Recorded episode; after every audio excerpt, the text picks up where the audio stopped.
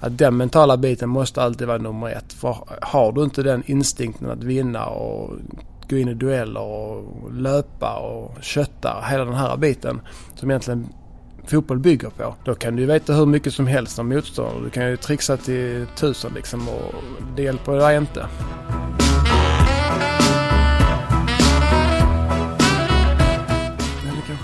Spelar ju Xbox tillsammans. Ja, också. det gjorde vi ja.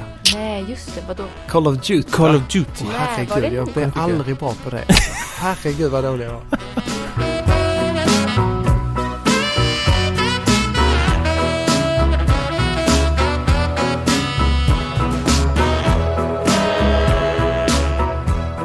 Där hade jag också bara velat placera han och Sverige och bara fixa detta. För det är bara huvudet. Jag kan inte göra det men någon borde kunna göra det. Ja, gud Det är så synd att se spelare som är så duktiga. Där allting bara tappar. Det är precis som du verkligen har tappat det. Hittar inte det igen. Var ni inne på mental utveckling? Eller vadå? Mm, just den här mentala biten. Ja, jag alltså, tycker det är det- så svårt för jag har aldrig tänkt. Alltså jag är världens bästa på att trycka ner mina känslor. Min fru säger att jag är den kallaste som finns. Alltså jag kan det. Jag vet inte vad som har hänt med min uppväxt. Men jag har aldrig varit rädd för någonting. Jag har bara kört. Och då kan jag ju så jävla svårt att förklara. Alltså prata med någon som bara säger men jag tror nog inte jag kan det. Och, ah, vad fan, du har gjort det en gång. Då är det väl en självklarhet att du kan göra det igen. Och fy fan vad ni är från två helt olika världar. Skojar du eller? Men vilk, alltså som vilken var skämt. Alltså jag skulle typ döda för att få ha den där känslan. Alltså den kunskapen typ. Och kunna göra det och bara trycka. Men vadå, du menar alltså seriöst att du har aldrig liksom varit rädd eller tvivlat någon gång? Jo, det är väl klart. Det är helt klart. Men väldigt sällan. väldigt sällan. Ja, det har jag gjort för mycket. Nej, men vi kom in på det, alltså som bara det man jobbar med. Och huruvida det, alltså det sitter så mycket i huvudet ju, hos folk. Ja men coolt. Då är vi, kör vi igen då. Vi har nog aldrig varit iväg på en roadtrip. Nej, nu har vi så satt oss i tåg. X2000 kom vi fram till. Så fort som det gick. Det snabbaste tåget som finns i Sverige. Söderut. Förbi Jönköping. Nej, Norrköping. längst ner till Mal- Malmö. Det är ganska kul. Det är roligt faktiskt. Vi sitter alltså i Höll- Höllviken. I en paddelhall. Ja. Och så ska vi prata med Marcus Rosenberg. Ja, ni är välkomna. Ja, tack snälla. Det känns väldigt, väldigt bra. Vi har ju faktiskt varit ute och kollat in banorna och sånt där. Vi, har ju, vi pratade lite innan att vi kanske skulle spela men du hade inte löst någon, eh, någon motstånd. Alltså, folk jobbar mitt på dagen. Svårt att få den. Vi kanske löser det. Vi får ringa hit någon fotbollsspelare. Mm. Men vadå, du spelar inte så mycket paddel själv? Ja, nu efter karriären har jag spelat en del. Så att eh, det var väl det här eh, suget att spela och känslan att man kan bli skadad. Det var lite så här, det kunde inte, Man kunde inte göra något mellanting. Så då blev det att jag inte spelade alls under karriären. Men Men- vadå, så nu, men nu så är du ändå i aktivt Nu program? kör vi. Ja, Ja. nu ska jag börja bli bra på detta. Men jag är ju nybörjare fortfarande. Även om jag har ägt en padelhall nu i ett och ett halvt år så är jag nybörjare. Det är ju sjukt kul, Mm. paddel. Det är väldigt lättsamt också. Nej, Alltså jag, jag skäms lite men som när vi, vi textade lite grann där innan så för att, man kan fråga det liksom så här, men kan du inte kan inte team vara med och spela? Alltså att Marcus skrev det? Ja. Jag skrev det. Ni var ju tre som skulle komma ner. Då är vi fyra som kan lira. Jag, Och jag var, eh, jag, jag, jag hejdade inte till skyarna. Det ja, måste det var jag, ganska kritiskt. jag var alltså. ganska kritisk. Det var bara Eh. rakt på sak. Det går inte. Nej, det, det var, Nej. det, det var faktiskt ett nej där. Då. Men nu står vi här utan så vi kanske, får överväga att vi kanske, Kanske får hittar chansen en-. Jag och Jimmy. Vi har ju två tränare där nere. De kanske Ja, inte har något får- att göra. Tydligen så, Sverige-ettan här nere också. Ja, just det. Ja men superkul ju. Men Mm. du bor i Höllviken också? Ja, jag bor här ja. Just Så ja. nära, nära till jobb. Men är det här du är liksom? Är det här ditt, din bas? Eh, ja, jag har ju varit fotbollsspelare senaste, sen jag var fem typ. så att, eh, och sen blev det ju efter eh, karriären till slut så var det julledigt och alla andra var lediga och sen så stack vi på semester. Så jag kom hem i fredags så att eh, första eh, riktiga dagen i mitt nya liv var igår. Så att eh, jag kan väl inte säga att jag eh, har funnit mig själv utanför fotbollen än liksom. Nej, det är alltså som... Ja, det är klart. Alltså som nu, nu normala fall så kanske vi pratar lite så om... Om din bakgrund och sånt som fotbollsspelare, men det kändes Mm. som att det är ganska överflödigt i det här. De folk som inte har koll på Marcus Rosenberg tänker så här. Det finns Google idag. och så kollar ni Så kommer att få gott om information. Ja men superkul ju. Nej men jag, har, jag undrar en, grej- en grej. Ja, kör nu. För att hela anledningen till att vi är här är inte bara i poddsyfte. Utan ni två har ändå haft lite kontakt med varandra. Mm, på ett konstigt sätt. Vi har väl... eh, Superskumt. Ja, exakt. Vi har väl gått i samma... Alltså de senaste åren så har jag ju förlängt mitt kontrakt med ett år i stöten liksom. Så, Med Malmö, tänker du? Ja, med Malmö. Så hela tiden för varje år som har gått så har man ändå tänkt mer och mer på vad man vill göra efter karriären. Och eh, det har ju varit alla möjliga tankar från att öppna en paddelhall till att eh, jobba fortfarande inom fotboll liksom. Eh, så jag har väl inte nått fram till något svar än liksom. Eh, men vägen smalnar ju av för varje år ju mer man tänker på det. Och då tyckte jag hela den här biten som Petter jobbar med, med det mentala och ja, allt det han har byggt upp efter sin karriär var väldigt intressant. Så jag tror det var LinkedIn va? Exakt. Vi har gjort någon landskamp ihop så det är inte så att vi inte känner varandra sedan innan. Du har koll på det alltså? Så vi har ju sprungit på varandra innan. Så det var inte så att man bara... För att Du hade presen- ändå koll? pre- Nej, man behöver inte presentera sig. Så det, det känns som vi känner varandra. Fast jag vet inte egentligen hur många gånger vi har träffats. Jag vet inte. Petter är en få. människa som är väldigt lätt att tycka om. Så att det är... ehm, ja, nej, så att...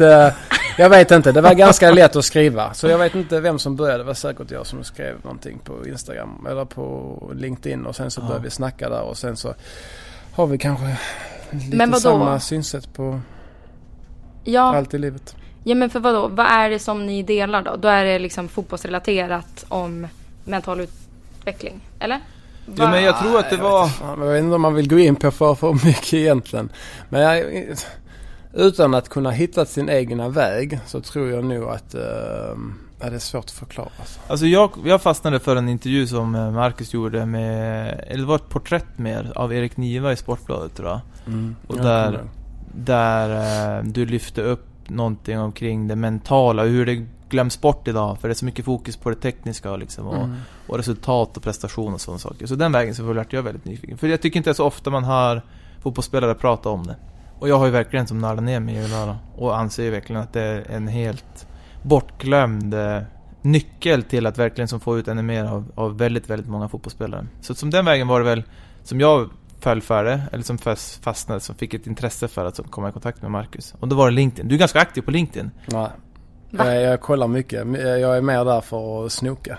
Du likar Jag tror jag på- aldrig har eh, gillat... Jag tror jag aldrig lagt ut någonting om jag ska vara helt ärlig. Jag gillar mycket och är bra. Ja men men på så sätt Det är är det något ändå- center, det är liksom lite mer vuxet känns det som än de andra ställena. jag var ganska sen in på hela den här eh, sociala medier-biten liksom. Så det var först när jag kom hem som jag började med det nästan. Ja men och LinkedIn är väl egentligen liksom en plats för människor som, ja men i deras yrkesroll Mm. att kunna få kontakt med andra och men kanske söka nya jobb eller få nya kontakter och sådär. Och jag Se menar, vad folk håller på med. Det är, har du är mer ut- inne och man När man har varit utomlands länge så hittar man någon ibland. Åh, de jobbar där och de har... Så här har de utvecklats i livet liksom. jag menar som fotbollsspelare är det väl kanske inte jättevanligt att så här gå in på LinkedIn och bara, ah tjena, vi, du spelar också i landslaget, hej, vi är Nej, polare." ja, Alltså, men jag tror faktiskt aldrig jag har gjort det. Det är bra till Petter. Det är inte så att jag skriver till alla liksom. Nej men jag vet inte vad det var. Jag gillar den här delen från den mentala äh, biten som... Men du är ju inte så själv har vi Men jag är inte så till. själv är jag inte. Men jag har spelat med många där jag kan känna att de tänker lite för mycket. De gör det lite för svårt för de är ju väldigt duktiga. Varför kliar de till det? hur kan du liksom lägga märke till det? Alltså vad är det du... Men, nej, men det är väl egentligen om man ser en, en spelare som man eh, spelar med och gör det väldigt bra och sen eh, ett tag senare så, så presterar de inte alls. Och sen kommer de aldrig riktigt tillbaka dit och då är ju egentligen frågan hur är det möjligt? Du har ju ändå presterat. Det kan ju inte vara så svårt att fortsätta göra det. Men det är det tydligen. Jag, jag har väl aldrig varit en grubblare i mitt liv utan jag har bara kört och kanske haft lite för högt självförtroende kanske i vissa avseenden. Men jag tror ändå det har hjälpt mig liksom. Så jag har ganska svårt att relatera till det. Det är därför det är så pass intressant med Petter som kanske har kunskapen. I vilka situationer känner du att det kanske har varit ogynnsamt att ha ett väldigt stort självförtroende? Alltså har du upplevt det i fotbolls... Ja, men om vi kollar typ om Ajax. Jag gick ju till Ajax eh, 05 där. Så spelade jag hela första året med den tränaren som värvade mig. Och sen kom det in en ny tränare andra året. Och han gillar inte mig. Och då gillar ju inte jag honom. Eh, men då blev det liksom istället för att ha tålamod där och kanske inse att Ajax är en väldigt stor klubb och att även om jag spelade förra året så kanske jag får kämpa ännu hårdare nu och liksom bita i det sura äpplet. Så, så gick jag till motattack istället och tyckte att jag borde spela och då sa jag det till honom liksom efter första matchen som jag inte fick spela. Och då blev det ju ännu värre. Och då fick jag inte spela någonting och då var jag tvungen att byta klubb. Hade jag bara haft det tålamodet där och kanske liksom sett att de andra presterar kanske ganska bra ändå. Eh, och nu får jag kämpa och nu får jag liksom... Men kan inte det också bero lite grann på hur man säger det?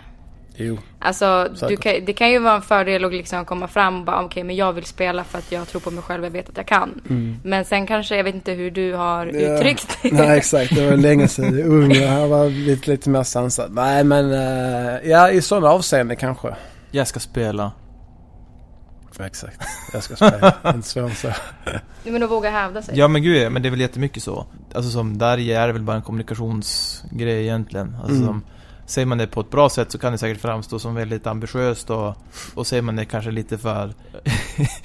som, eh, alltså som min upplevelse av Malmö spelare är också att de har den här framtoningen som är och då kanske det blir lite en, en krasch där. Och det är kanske negativt då. Vadå att Malmö-spelare har lite mer skinn på näsan? Det är en speciell förening alltså när man växer upp. Jag kan ju inte jämföra dem med någon annan. Jag, är ju bara, jag har ju växt upp i Malmö och spelat Malmö hela mitt liv. De ungdomsåren var ju hård konkurrens, ganska tufft. Alltså, folk från en massa olika länder och olika kulturer i ett och samma eh, omklädningsrum. Så det är klart att eh, det var inte jättelätt. Var du inte tillräckligt bra så fick du bara lämna ganska tidig ålder. Så att, jag vet inte, det är alltid svårt att prata om någonting som man, man har levt det hela tiden. Liksom. Mm. Så det är nog mer som, som Petter i så fall får en uppfattning av att okej, okay, har han lärt känna många spelare som har växt upp i Malmö och alla kanske har samma mentalitet. Ja, det är lite det... lättare för honom att berätta. Jag är uppväxt med det, jag kan inget annat. Jag kan, jag har facit. Ja exakt, du har facit, du kan berätta. Nej men det började egentligen, alltså som, all, från det att man var ungdoms, kom in i ungdomslandslagslägren och kom i kontakt med spelare från södra Sverige, Skåne då framförallt. Så upptäckte man ju att de har en helt annan, även stockholmare ska sägas, har också den framtoningen. Det ser så skönt ut när man själv är en ganska osäker och blyg norrlänning i grunden liksom. Att verkligen som ha det och tycka att man är så pass bra ja, men, att kunna hävda att sig. kunna hävda sig på det sättet. Det, det, ser otroligt skönt ut när man inte är så själv. Så därav så har det är min bild av det. Sen huruvida det är bra eller dåligt, det vet jag inte. Och om det är äkta eller inte, det är som också så, det vet jag inte heller. Men det verkar vara något som man bygger upp här nere i alla fall. Att det är lite hårdare klimat kanske. Men det är ju ganska kul, alltså som apropå det så finns det ju, vi, du, hade, du minns inte det? Men jag har ju varit här. Ja du sa att du provtränade här. Alltså att, att jag, jag blev lite besviken faktiskt. Att som, jag var ju nere, jag hade ju en sväng 2002, 2003, jag kommer inte exakt ihåg vilket år det var jag var här nu då. Eh, och besökte massa klubbar. Och en klubb var Malmö. Jag var nere och, och hälsade på A-laget, tränade och spelade en match med reserverna. Såg match och så var jag med i eran eftermatchträning dagen efter. Mm. Uh, och det var... Vi joggade runt någon park. Någon slinga. Pildammsparken var det säkert. Ja, vi, ja, det var en sån klassisk slinga som ni mm. joggade och så var det stretching på. Jag har aldrig känt... Alltså jag har aldrig varit så nervös och osäker som i det omklädningsrummet. Sa du ens ett ord? Jag sa inte ett knyst. Alltså jag satt där och som... Då var Marcus med? Ja. Eller? Tydligen. Detta var detta 02? 02, 03. Ja, alltså det är ändå många år sedan.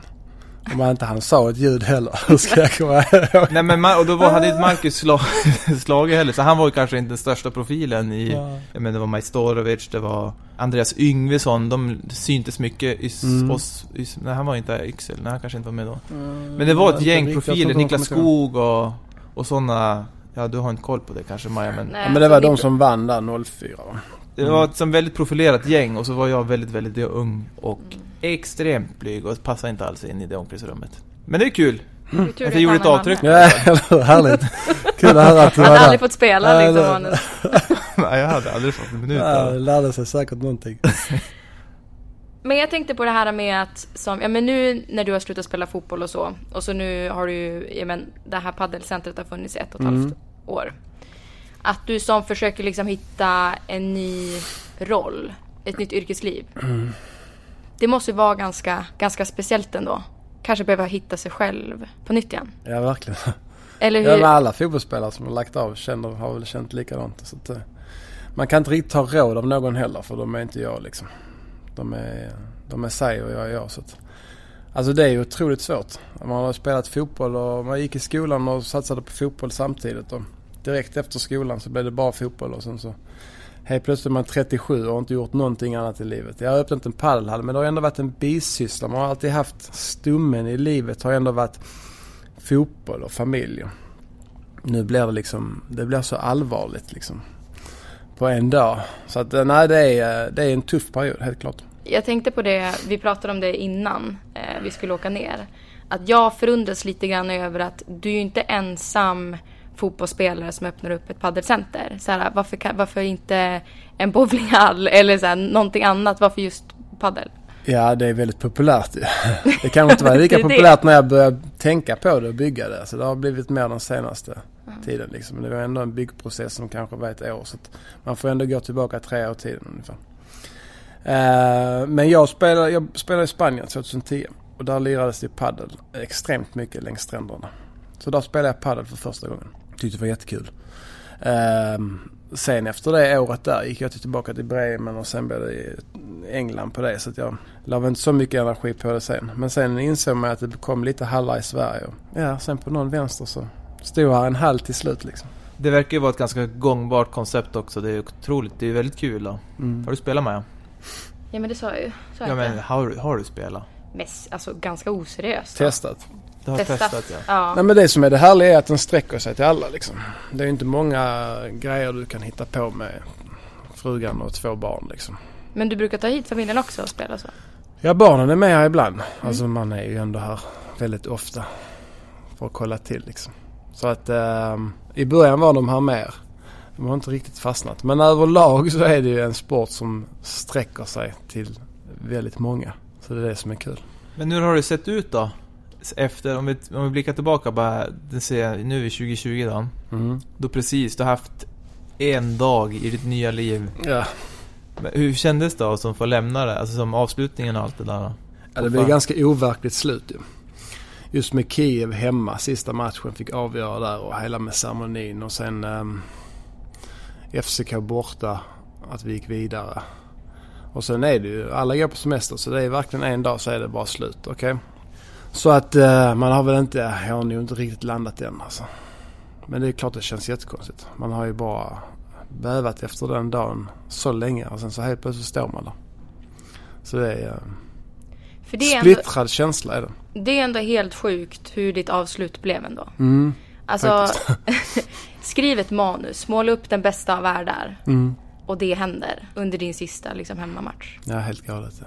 ja. Man hade ju aldrig vågat ta de orden i sin mun om man skulle beskriva det innan. Liksom. Det och det har blivit dokumenterat? Ja, de skulle göra, eller de gjorde en, eh, började med en dokumentärfilm för några år sedan. Ja. När jag skulle sluta.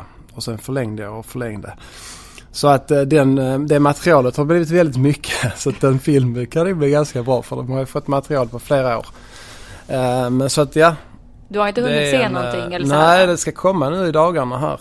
Den ska släppas i februari så att um, det är också en väldigt märklig känsla. Men kommer det en film eller är det alltså som en... Viasat har köpt det, exakt. Så Malmö FF gör en film och sen kommer den senast på Viasat. Så det kommer bli en, en film. Det är ingen dokumentär bara? Ja, en dokumentär. Ja, ja, exakt. Ja. Dokumentär. Om... Skaplig ego boost ja, du exakt, få där. Med bio, ja, men nej, popcorn, nej, cola exakt, och så bara kolla på sig själv tre sista åren. Ja, det kommer ju kännas jättemärkligt. Det är inte alls jag liksom. Så att... Eh, det har känts konstigt hela tiden när de har varit runt omkring oss. De har ju varit med överallt. Från alla resor till hemma hos oss i paddelhallen, matcher. Men så ja. de har följt med sig olika dagar under? Ja, jag vet inte. Två, tre år i alla fall. Så att det, de har varit med överallt. Man har aldrig riktigt vant sig med att de är där. Så att det känns som att det borde bli, det borde inte bli så avslappnat. Men det, det blir det säkert ändå. Jag har ju Barra Barang Safari. Han är med, har ju varit med mig bredvid mig mycket. Så han gör ju nog filmen ganska bra. Det är en spelare i Malmö FF.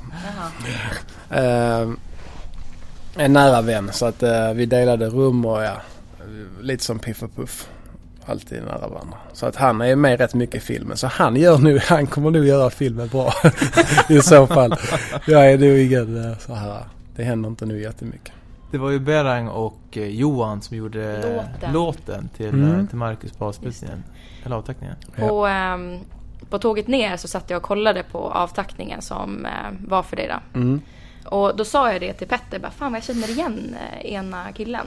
Han med tatueringar sa du? Ja, han med tatuering. Mange? Nej, eller Ponne? Nej, nej, Johan. Aha, ja, Johan Dahlin. Ja.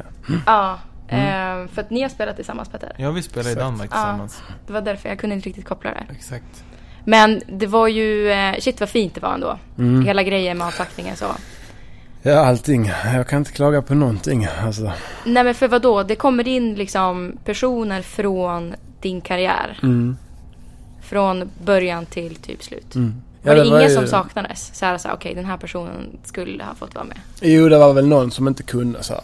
Men överlag så var det helt fantastiskt. Det var ju MFF och min fru som hade riggat allt.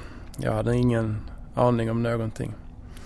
Så att nej, det var ju fantastiskt att se det. Det är därför det blev så känslosamt också. För att bara på några minuter så spelades liksom, kom in människor och spelades upp en, en bild av hur hela karriären har varit och människor som har betytt mycket för en liksom och hjälpt en. Och, som man fortfarande står väldigt nära. Så det blev ju extremt känslomässigt liksom. Men det var väldigt, väldigt, väldigt fint. Du höll ändå masken rätt bra. Mm. Fram till Mm. Familjen. familjen kom in. Ja. Vad hände där då? Eh, nej, men det är väl eh, barnen och frun är ju ens allt ju. Så att det är väl klart att det, det blir en summering. Alltså alla som kom in har ju ändå varit en del av ens liv. Och de har ju varit ens allt ju. Maria har varit med från början. Hon flyttade med mig till Amsterdam. Det var första gången vi bodde ihop var i Amsterdam liksom. Så hon har varit med hela tiden. Och så barnen på det. Så att de summerar väl egentligen upp allihopa. De känner också alla som kom in. Och alla som kom in har kanske haft någon period i livet där de varit väldigt betydelsefulla. Och så kommer de in sist liksom. Så att det brast det. Ja, det var superfint ju. Man blir ju... Vad hade du Det- för avtackning? Det är mäktigt faktiskt. Nej, men jag, alltså mina... Jag kommer tillbaka till Hammarby så jag försökte ju göra någon slags comeback där. Men min avtackning var i Midtjylland. var jättefin också. Det går ju som inte jämföra den Nej. med något liknande av det här. Men, men bara den här känslan av att man får säga tack och hej till fotbollen. Det är ändå en... Nu i mitt fall så kanske jag inte trodde att det var tack och hej. Jag vet inte hur du kände där Marcus. Liksom. Du kanske var du kanske känner dig helt avklarad med Mm. fotbollen. Och då, då tror jag kanske att man, man upplever på ett annat sätt då kanske. Att man verkligen kanske försöker njuta av det. Extra mycket om det ens går, jag har ingen aning. Nej, för mycket känslor att ta in. För min del i alla fall. Eh, det är mer att det poppar upp nu i efterhand. Som jag sa innan, jag tror inte jag har, det har riktigt landat än liksom. Nej. Men jag tror, för egen del så tror jag nog det är ganska bra att det blev liksom ett avslut på det sättet. Liksom. Man har bestämt sig, man är hemma och ja, och att det gick så pass bra kanske bara en, en boost liksom. Eh, Men just att, ja, man vet att det är slut. Vad händer efter? Alltså som, för sen blir det ju... Det blir ju bara, bara varit tyst alltså, så, Mm. fram till nu egentligen. Mm. Och nu, nu ska du då igång liksom med det nya... Mm. Vad har du, har du någon, vad är, vad är planen? Ja, planen är väl att träffa folk liksom. Mm. Och sen så dra sina idéer och vad man vill hålla på med. Jag vet ju inte heller vad jag vill göra. Man får liksom smalna av vägen till målet. Och det är väl ungefär det jag håller på med nu. Jag har ingen större stress. För jag har en paddelhall här som vi sitter i och sen så bygger jag en i Värnamo. Så att eh, lägga tid på saker kan jag göra. Eh, så det jag letar efter nu det är väl att hitta den saken jag vill jobba med. Den som ger mig det lilla extra. Och som jag känner passar mig. Och det är ju helt omöjligt att veta innan man har testat på det. Så att eh, smala av vägen och sen hoppa på något tåg eh, och testa det. Och sen får man vara ödmjuk nog och säga att eh, om inte det funkar så passar det inte mig liksom. Finns det någonting som är liksom helt uteslutet? Alltså det här kommer jag aldrig att ge mig på. Nej, jag tror eh, den erfarenheten, erfarenheten man har dragit på sig i livet så ska man nog inte göra det. Man vet aldrig hur man förändras som människa och vad som dyker upp. Eh, men just idag hade jag nog haft svårt att se mig som tränare till exempel. Varför då? Just det commitment alltså. Binda upp sig. Extremt mycket. Ingen frihet alls i livet. Det är det jag har saknat mest de senaste åren. Att man bara lever efter någons schema hela tiden. Man kan aldrig boka upp någonting. Man kan aldrig bestämma. Man får göra saker alltid efter det schemat.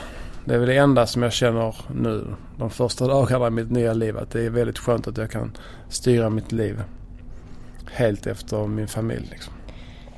Ja, men för just när det kommer till, alltså när man, om vi pratar generellt sett som fotbollsspelare, att det är ju verkligen, som jag upplever det då, det glöms inte bort, men man kan inte lägga lika mycket tid på familjen till exempel, eller på vänskaper, eller... eh, Ja, det blir en livsstil. Ja. Alltså det blir inte Ja. bara ett yrke utan det blir ett, en livsstil. Men på så sätt är ni också ganska egoistisk. kanske. Ja, ja, familjen får ju anpassa sig. Det är det. Så att nu får man ju själv anpassa sig efter familjen. Det är det man vill ge tillbaka nu i så fall.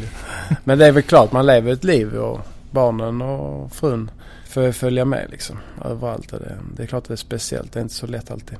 Men har du känt att, som, att på grund av att det har varit så centrerat kring fotbollen, att någonting har gått förlorat på grund av det? Nej.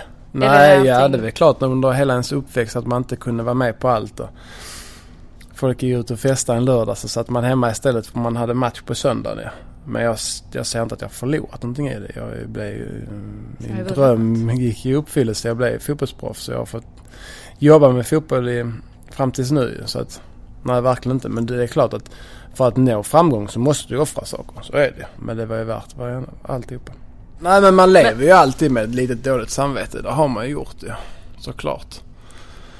Man är ju bara människor ju.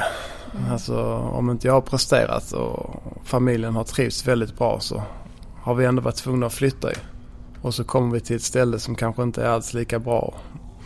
Maria har fått kompisar och mm, Bella då som föddes i Tyskland och börjat på dagis och så presterar man inte så måste man flytta och så måste de börja om. Och som spelare kommer du in i ett gäng direkt ju. Första dagen får du kompisar medan familjen börjar om från början varje gång. ju. Så det blir mycket svårare för dem att få igång ett fungerande liv på ett nytt ställe kontra en fotbollsspelare som kommer in i det direkt. Mm. Så det är klart att man har levt med ett dåligt samvete hela tiden. Hur, alltså vad tittar du efter då? Och du, ska, du vill anpassa dig efter familjen då? Mm. Och som hitta ett mer, eh, liksom ett, ett nytt liv där du kan vara mer fri, liksom inte vara så styrd. Mm. Men vad, som vad, för du lär ju inte sakna alternativ tänker jag. Ja, nej, jag önskar väl att vi gjorde den här om, podden om typ två månader för då hade jag haft mer svar. Så det jag hade velat göra till en början i alla fall, det är att ha ett liv där jag kan anpassa mig själv. Alltså bestämma lite självtider.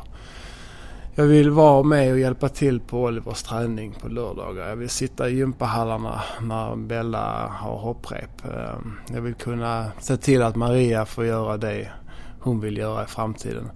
Samtidigt som jag också vill göra någonting själv. Så det, det, det pusslet har jag inte lagt än liksom. Så det får man bara träffa folk som har idéer och, och jag har idéer och, och så får man bara bolla framåt. Och sen, jag har ingen större stress och det tror jag är ganska skönt med hallarna.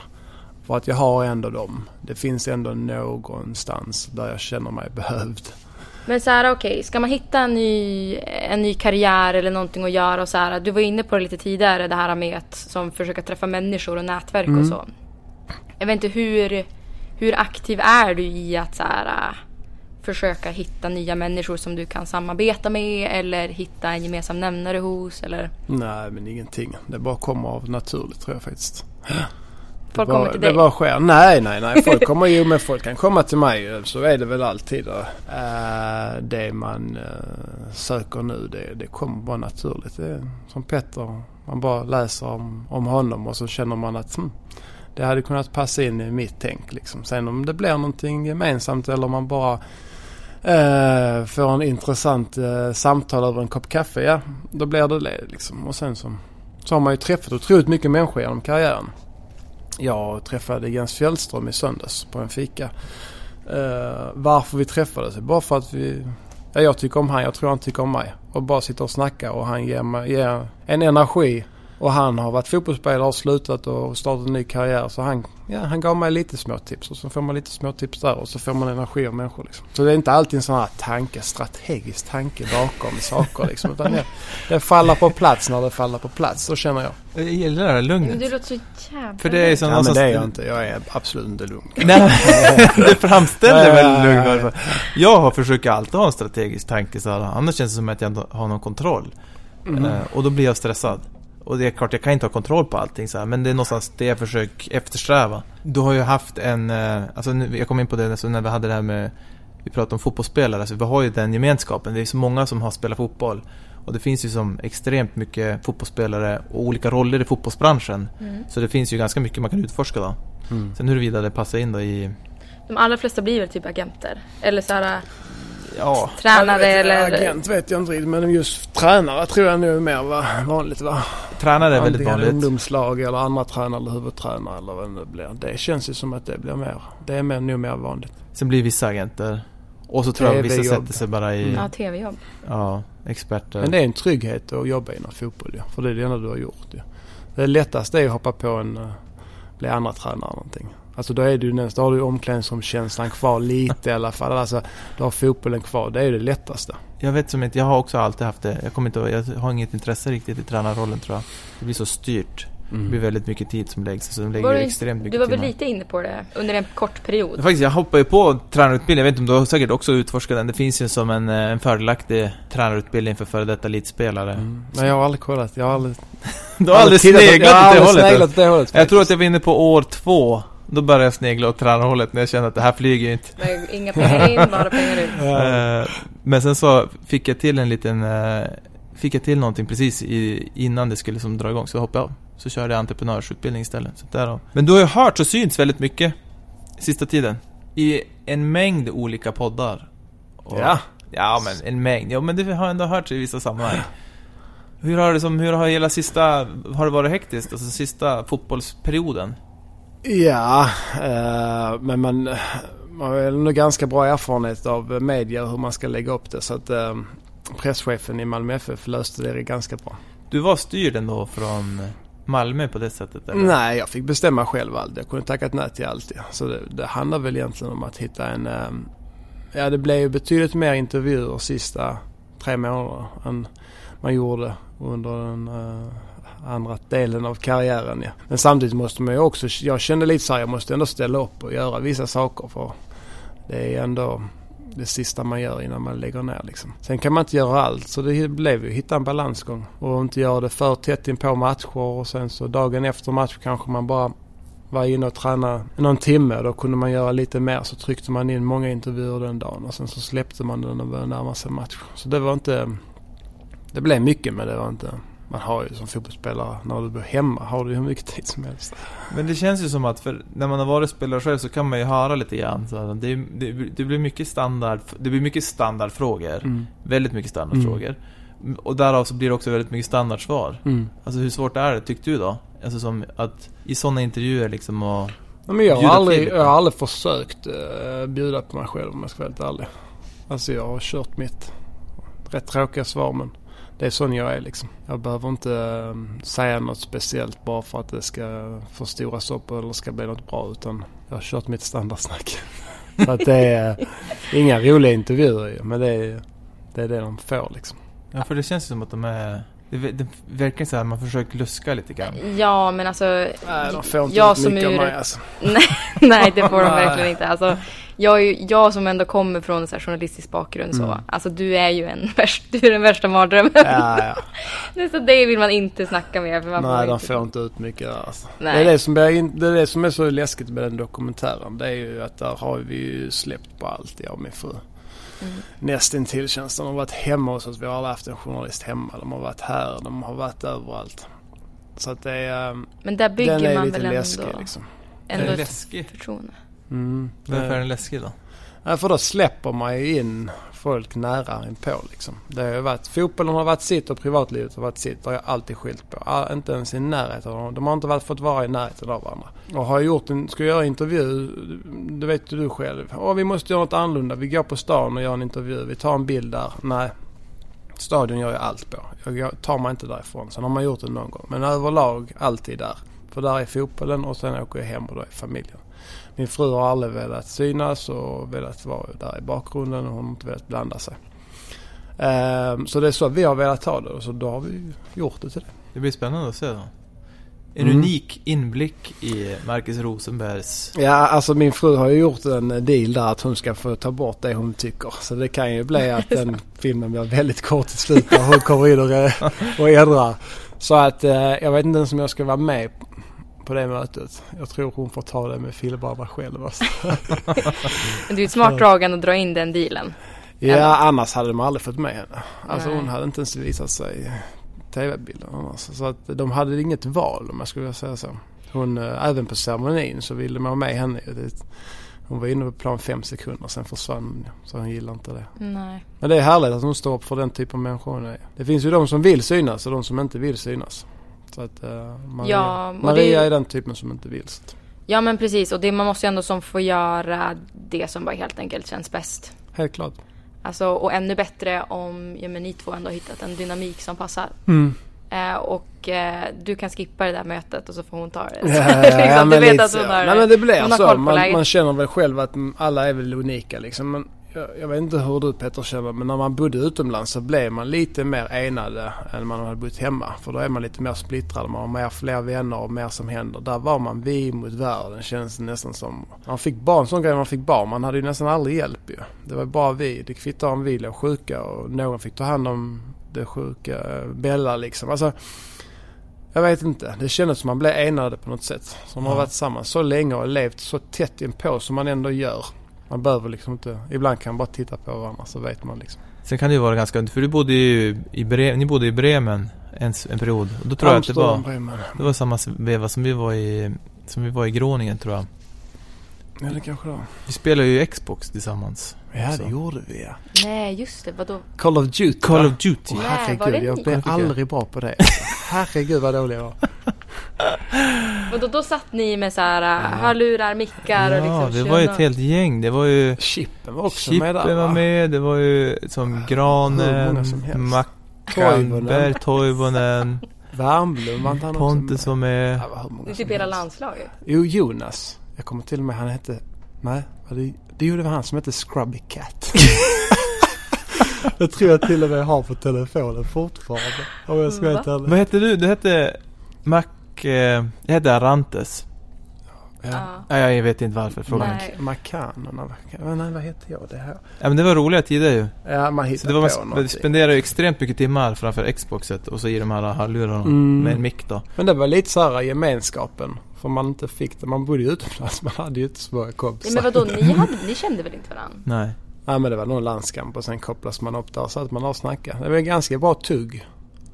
Ja, Man fick bland det här kompis... Ja. Alltså att det blir ganska brokigt med andra ord. Du sa Jag ingenting satt eller? tyst och bara lyssnade. Lärde känna alla så här, i, i det tysta. Ja, var typ för sig lite grann. Nej, men eh, det blev den här gemenskapen som man kanske saknade. Fick man lite i alla fall där. Ja. Jag var så jäkla dålig så jag önskar att jag var bra. Men jag gjorde det nog mer för att jag tyckte det var kul med tugget. Det var ett sånt spel där man skjuter. Så att alltså, dog man så dog man. Så det, alltså ibland, vissa var så bra så man hann inte ens starta från man var skjuten. Men Liksom. vadå, vem var bäst? Jag kommer ihåg Chippen var riktigt Chippen bra alltså. Jag vet inte vem mer. Alla var bra förutom jag typ. Jag tror Zlatan var med någon gång också och spelade och var också så helt övermänsklig. Mm. Nej men det var, men det var just en, alltså som den, nu vet jag inte, i Bremen hade du kanske inga skandinaver som du... Jo det hade jag. jag Hade hade, ni det? Ja, vi hade tre danskar där. Så där, bodde, där trivdes vi som bäst ju. Där hade ju Maria också jättemycket runt omkring och det var bästa. Sen var ju i Spanien hade vi Kennedy. Kennedy var där ja. Kennedy var där tillsammans med, eller jag var där med han. Han skickade en fin hälsning till dig på avtackningen, Mm. såg jag. Ja, Kennedy är fin. Så vi hade tio månader där tillsammans. Amsterdam var ju ganska lätt att bo i. Varför då? Ja, storstad, lätt att ta sig dit. Eh, mycket att göra. Eh, Rasmus Lindgren var där ett tag. Sen blev han utlånad till Groningen. Groningen, inte det, va? Nej, så det var ganska enkelt. England hade jag Jonas. Så. Men apropå den där landskampen du pratade om. Kommer du ihåg den? Som vi var spelat tillsammans. Nej, jag vet inte vilken då. Spelar vi eller? Jag Alltså, spelar du inte gjorde många mål. landskamper. Du gjorde mål. Ja, det måste varit en träningslandskamp då. Ja. I mitt, du, du ta inte bort dem nu. Det var en landskamp. Ja, men jag vet. Jag är ju Ja. likadan. Jag har ju Nej, knappt du har gjort riktiga landskamper. Nej, jag har gjort knappt, det. alltså. 2005. Vi var i Los Angeles och spelade. Jaha, men det är Sydkorea. Ja. Exakt. Mm, 1-1. 1-1 ja. Gjorde du mål. Ja, det var min första landskamp. Det var också Var din det- första ja, va? då gjorde Så vi det debut gjorde vi tillsammans. Ja. Kom du ihåg truppen? Minns du liksom? Kom du ihåg resan? Eh, ja, det var ju San Diego och Los Angeles va? Ja. Och så minns jag, de äldre minns jag, det var Daniel Andersson och Olof Persson va? Exakt. Exakt ja. Risp var Fredrik Risp. Exakt äldre. ja, det är Återigen, 14, 15 år sedan ja. 19 år var jag. Ja, det. Du var ung, jag var ändå lite äldre. Det var skillnad, tre år mellan oss. Ja men du hade väl haft din uh, supersäsong? Nej det var året efter. Mm, Det var 2005 som du var i Halmstad och gjorde... Fyra. Var det fyra? Mm. Ja då var det då du hade slagit igenom ordentligt då. Ja det kanske det För det var. här var januari 2005. Ja, Okej, men det var det ju. Ja. Det var det då, ja. Det var ju precis innan jag stack till Ajax. Men vad har du tagit med dig då? Alltså du har ju en, en, en skaplig karriär får man ändå säga. Ur ett svenskt perspektiv så har du gjort en, en, eh, en galen resa. Mm. Alltså dels säljas för supermycket pengar till Ajax och så sen så vidare då till, till Bremen, till Spanien och så som Premier League på det och, och så har du gjort, eh, ja, är du legend i Malmö liksom. Eh, Men alltså om du bara försöker summera och som det du, för Även om du inte kanske reflekterar så mycket så känns det som att du fått med dig en massa saker. Utifrån ett fotbollsperspektiv liksom. Mm. Ja, det är ju Vad ganska säger du till, svårt. vad, sä, ja, men vad säger du till 19-20-åringar som kommer upp i Malmö? och- Nej men jag är väl lite mer sån här old school fortfarande. Det var väl därför vi kom in på diskussionen också just där med att dagens fotboll bygger väldigt mycket på analys. Och att eh, jag tycker väl att man, ibland att man kan glömma bort vad det egentligen handlar om. Man, man får så mycket information inför en match att man glömmer bort att det handlar om att knyta näven och köra. Att den mentala biten måste alltid vara nummer ett. För har du inte den instinkten att vinna och gå in i dueller och löpa och kötta, hela den här biten som egentligen fotboll bygger på. Då kan du ju veta hur mycket som helst om motståndare. Du kan ju trixa till tusen liksom och det hjälper dig inte. Så där, det är väl det man har lärt sig att man, man måste tänka de nya banorna men samtidigt inte glömma de gamla. Så om jag tipsar någon ung så är det nog mer old school än det, det nya jag tippar, tipsar om. Sluta tänk. Ja men lite. Inte, man ska absolut tänka men alltså det, i slutändan så måste det sitta i bakhuvudet. Alltså det är inte alltid man kan förklara. Hur, hur tänkte du den situationen? Ja, det kan jag tycka är jättesvårt att förklara för det sitter ju bara i bakhuvudet. Jag vet inte varför jag... Ja men jag såg väl han löpa där innan och sen mötte jag bollen och sen slog jag den. Vi hade en sån eh, besiktas borta. Då löper ju Mackan i djupled och jag slår den lite så halvt blint till honom. Och så fick man frågan direkt efter matchen. Hur, vad tänkte du där? Så, väldigt svårt för det sitter i bakhuvudet. Vi har spelat ihop mycket där det året. Jag vet hur han löper och jag vet att bollen kommer komma där och sen slår jag den väl. Instinkt. Mm. Så för, lite för mycket analys. Sen tror jag också för att fotbollsspelare är, vi ska vara ute på fältet liksom. Sitta framför en, eh, en dator i en halvtimme. Alltså jag tror inte informationen går in på en, en Då- trupp. Men om man, om man, om, om, vi har ju haft många tränare i MFF men vissa av dem har, ville ha eh, videogenomgång väldigt ofta och kanske väldigt länge. Jag tror en grupp eh, fotbollsspelare som är runt 19-20, de flesta och sen vi- vissa lite äldre, de kan inte sitta i 30 minuter eh, och ta in information. Där måste det vara lite mer action. Du, det är klart att du ska använda tekniken som finns. Att kunna analysera motståndarna och analysera dig själv. Så att se sig själv eh, efter matcher och se vad man gör bra men framförallt vad man kan göra bättre. Det tror jag är väldigt bra. Men det får vara liksom inom en viss... Eh, det får inte bli för mycket. För då, det går inte in så mycket som man tror. Som vi tänker så här, för jag gillar ju någonstans det här. Det där. Även om det är svårt att förstå exakt hur. Så har du ändå som byggt upp en kunskap om dig själv och vad du behöver göra inför en match till exempel. För att som komma igång eller så som... Vad, alltså som, vad, vad var dina nycklar till att prestera så som du gjorde? Ja, men alltså att jag eh, tänkte mycket på matchen. Eh, de sista, sista timmarna innan match. Då gick jag in i ett fokus. Jag kunde inte gå in i fokus för tidigt. Så på dagarna så, och Bära var likadant nu när vi kollade MFF-tiden. Då kunde vi hålla på med allt möjligt och kolla serier och göra saker som inte alls handlar om matchen. För att han var likadan där. Inte fokus för, för tidigt. Men sen gillar jag att vara förberedd. Så man visste. Det ska inte dyka upp någonting som konstigt under vägen. Så att man hade ju sina rutiner hur man värmde upp och innan och bytte om och massage och tejpa fötter. Och, alltså allt det där var ju exakt likadant alltid. Men det, det kände jag var en trygghet för då visste man att det var match. Träningar kan vara lite hur som helst liksom. Men matcherna skulle exakt vara likadant. För då var det precis som att det väcktes någonting i skallen att nu är det på riktigt liksom. Men innebar det även typ samma typ av mat? Mm, nej, Frukost, lunch, ja, middag? Alltså vi fotbollsspelare får ju alltid, eller nu pratar jag som att jag spelar fortfarande. Men när man väl spelade så fick man ju alltid samma mat. Svårt Det är att ju- lämna det där. Ja det är ju inte, ja, exakt det är svårt att lämna det. Men Det det är ju inte en- så att det är en jättestor variation i kosten. Men eh, mat var inte så nej, utan det handlar väl mer om lite små rutiner som man hade och sen hur man värmer upp och massage och tejpa fötterna. Lite det. Petter hade ju en grej med att du, sk- du skulle ju sätta vänstra benskyddet eh, Först. först. Mm, jag med. Ja. Samma för dig. Det är det enda jag har. Vänstra benskyddet först. Det var det enda jag. Det är något Joel. Ekstrand skrattade ju åt dig för att han tyckte det var så klassiskt. Liksom. Men det är också en trygghet. Jag vet inte varför. Jag Känns vet inte heller vad det var. Och det kan inte gå fel. Alltså det blir... Vet, vissa har sådana här, Det vissa har såna här extrema saker som verkligen kan bli påverkade av någonting annat. Där det inte sker och då kan, kan det bli negativt ju. Jag inte, har Det du någon speciell du tänker på? Eh, nej, faktiskt inte. Men eh, det kan ju bli extremt som kan bli påverkad av omständigheterna. Det här kan inte bli, du ska göra på dig benskyddet. Det ska bara, det kan inte gå fel liksom. Snart kommer det ju en... Eh, Malmö ska ju spela... Vilka var det? Det var... Scha- vilka blev det de fick nu i 16-dels... Wolfsburg. Wolfsburg. Mm. Så när det blir första matchen, de torskar med 1-0. Samtalet kommer. Ja, nej det kommer inte komma. Nej, jag kommer inte igång nu. Har jag varit Jo, jo, jo. stillastående, stillasittande en månad här. Du kör ju padel nu, det är en bättre. Ja, exakt. Ja, nej, det är, nej, det är, det är stängt från båda sidorna. Jag, eh, jag, läste lite, jag läste på lite grann om dig när vi skulle ner hit och då tänkte jag på en sak bara som jag tycker kan vara ganska intressant att bara snacka generellt om. För dig också Petter. Att eh, vi var inne på landslaget Mm. Och eh, sista gången du var med i landslaget var 2012 och sen blev det inget mer. Du tackade liksom nej till det. Jag tackade nej 10, 2010. Redan då? Ja, och sen hängde jag med på eh, EM eh, 2012 och sen Vadå, tackade jag nej. Hej, Ja, jag- nej, alltså landslaget blev aldrig min plats liksom. Jag eh, tog aldrig chansen och fick kanske aldrig riktigt chansen.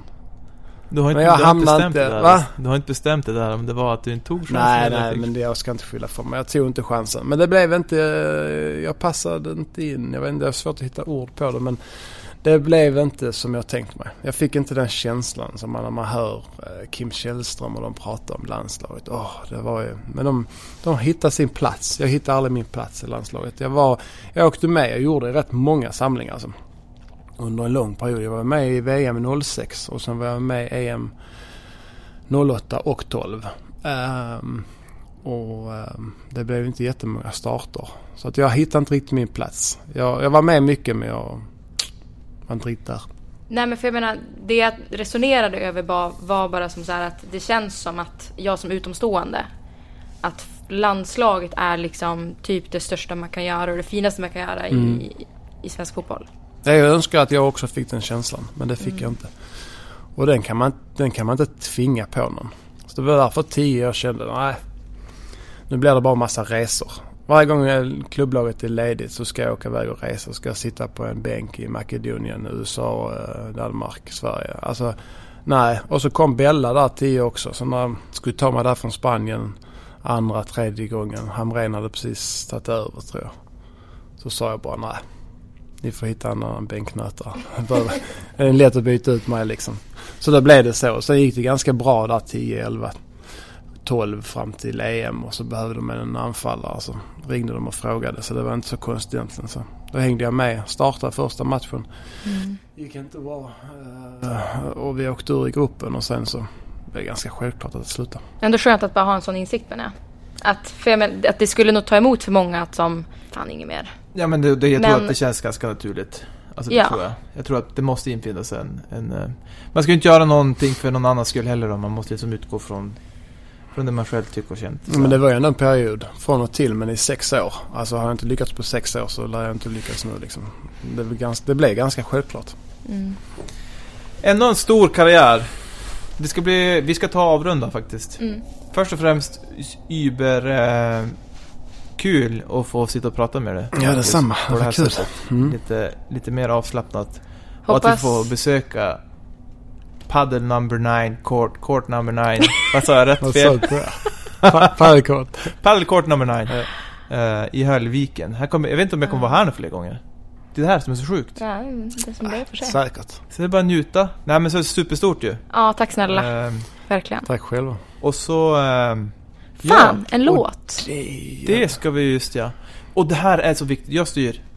Ja, du får köra. ni? Vänta, jag kan kolla. Jag kan inte. Ja, det här kan vi klippa och fixa och trixa. ska, ja, det får ni göra. Eh. Vi ska ta fram någon från någon Bella-spellista. Nej, Nej, nej, ja det kan du säkert Men Ja. vi vill ha jag en ska bara låt. titta vad den heter. Jag kan ingenting Vi vill ha en, en låt som... Eh, liksom, Jag fattar, jag har ju lyssnat på era grejer. Jag, Jaha. inte, jag har ju koll right. för fan.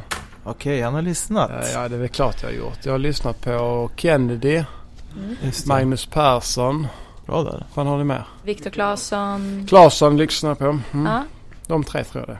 Har du någon favorit? Men kul, jag gillar ju såklart uh, Kennedy för att man, man känner ju han ganska väl. Han bodde ju Mm. hemma hos oss. Hans tjej var inte där så ofta i Spanien. Så att Han han, bodde med er? han, nej, han bodde inte hos men han var ju typ med oss hela tiden. Så, Nej, så låten ska ju då representera liksom Rosenberg på väg in i ett sinnes, en sinnesstämning för att som ut och tävla, spela match. ja, Ja. är det det? Ja. Ja. det vet jag fan. Jag lyssnar aldrig på musik innan. Ja, men, jo, Men jag kan ta en som vi spelar ofta i bilen, jag och barnen.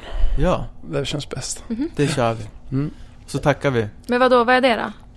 Ja, du måste säga Jag det. måste ju säga det. Jag trodde jag visste inte om ni bara körde. Låt det klippa över. Jag vill höra, vilken vi kan är det? klippa. Dance Monkey. Oh, den är bra. Mm. Så den kör vi i Ja, bilen. koll. Eh, den gillar barnen. Jag gillar också. Kan vi få lyssna på den i bilen sen? Ja, den kan vi lyssna på. Det vi. vi lyssnar på det du direkt. Då gör vi det. Okej. Ja, men då tackar vi. Tack, tack. Tack. Eh, Du har ju Du hört. tar upp bra volym. Exakt. det är det är ju Ja. svinbra.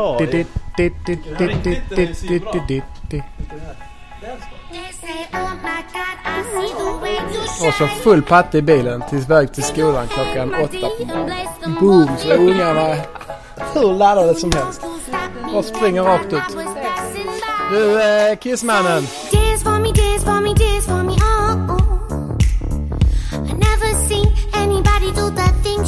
Before